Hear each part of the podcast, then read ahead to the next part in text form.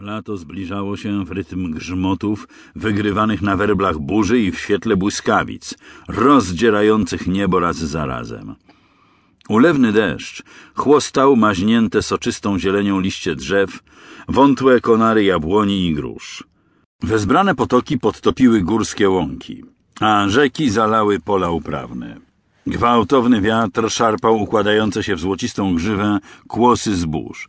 Burzył pieczołowicie ułożone stogi siana, zrywał strzechę z drewnianych chat. Wyrwane z korzeniami drzewa zalegały na drogach i nie miał kto ich usunąć, gdyż niewielu decydowało się na podróż w tych niebezpiecznych czasach. Ludzie z niepokojem spoglądali w niebo, modląc się, żeby miłościwy Bóg odpędził upiorne czarne chmury, wiszące złowieszczo nad ziemią. Pragnęli słońca, które ciepłym blaskiem ogrzałoby ich serca, tchnęło nową nadzieję. Tęsknili do brzęczących w powietrzu pszczół, cieszących oczy kolorowych kwiatów, kwitnących lip i ciepłych letnich wieczorów. Niestety, każdy czerwcowy dzień roku 1410 zaczynał się i kończył nawałnicą. Jednak prawdziwa groza miała dopiero nadejść. Dwa potężne mocarstwa szykowały się do boju ostatecznego, do wojny, która odmieni losy świata. Zwycięzca, mając przed sobą świetlaną przyszłość, przez stulecia będzie wiódł prym w Europie. Przegrany przestanie istnieć, na zawsze zostanie wykreślony z map i pozostanie po nim jedynie wspomnienie na kartach historii.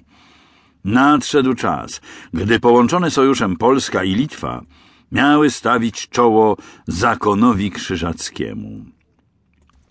Polaków nie trzeba było zachęcać do walki. Cały kraj pragnął tej wojny. Za lata cierpień i bólu, za pożogi czynione przez rycerzy z krzyżem na płaszczach, za wszystkie okrucieństwa. Ludzie pragnęli pomsty i byli gotowi uderzyć na znienawidzonego wroga.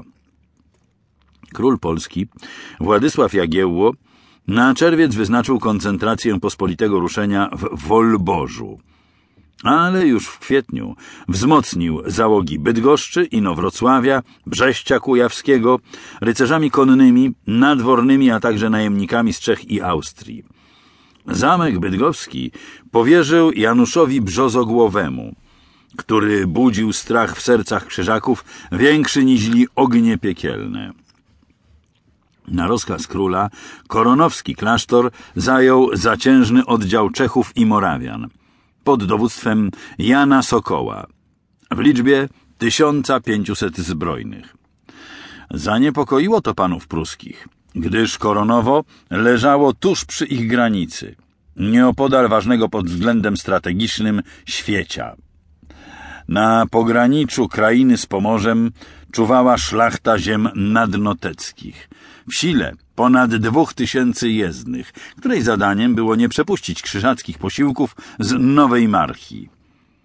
Rycerze powiatu sądeckiego, szczyżyckiego i ziemi bieckiej pod wodzą Jana ze Szczekocin zabezpieczyli południową granicę od strony Węgier, bowiem obawiano się ataku sprzymierzonego z zakonem Zygmunta Luksemburskiego.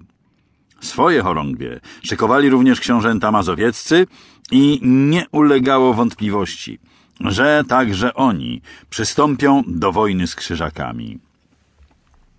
Witold, wielki książę Litwy, rozstawił tatarskie posterunki na rubieżach Zadnieprza, na granicy inflanckiej oraz obsadził załogi zamków w Wilnie i Kownie.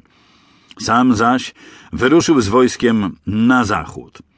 W poprzednim roku przysiągł Jagielle stawić się latem w wyznaczonym miejscu, żeby wspólnie uderzyć na wroga.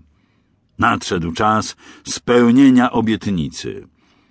Tymczasem wielki mistrz krzyżacki Ulryk von Jungingen otrzymał niepokojące wieści od swoich szpiegów. Jakoby Polacy z niezrozumiałych względów spławiali notecią olbrzymie ilości drewna. Podejrzewając, że chcą wybudować promy, przeprawić się nimi przez rzekę i ruszyć na Pomorze,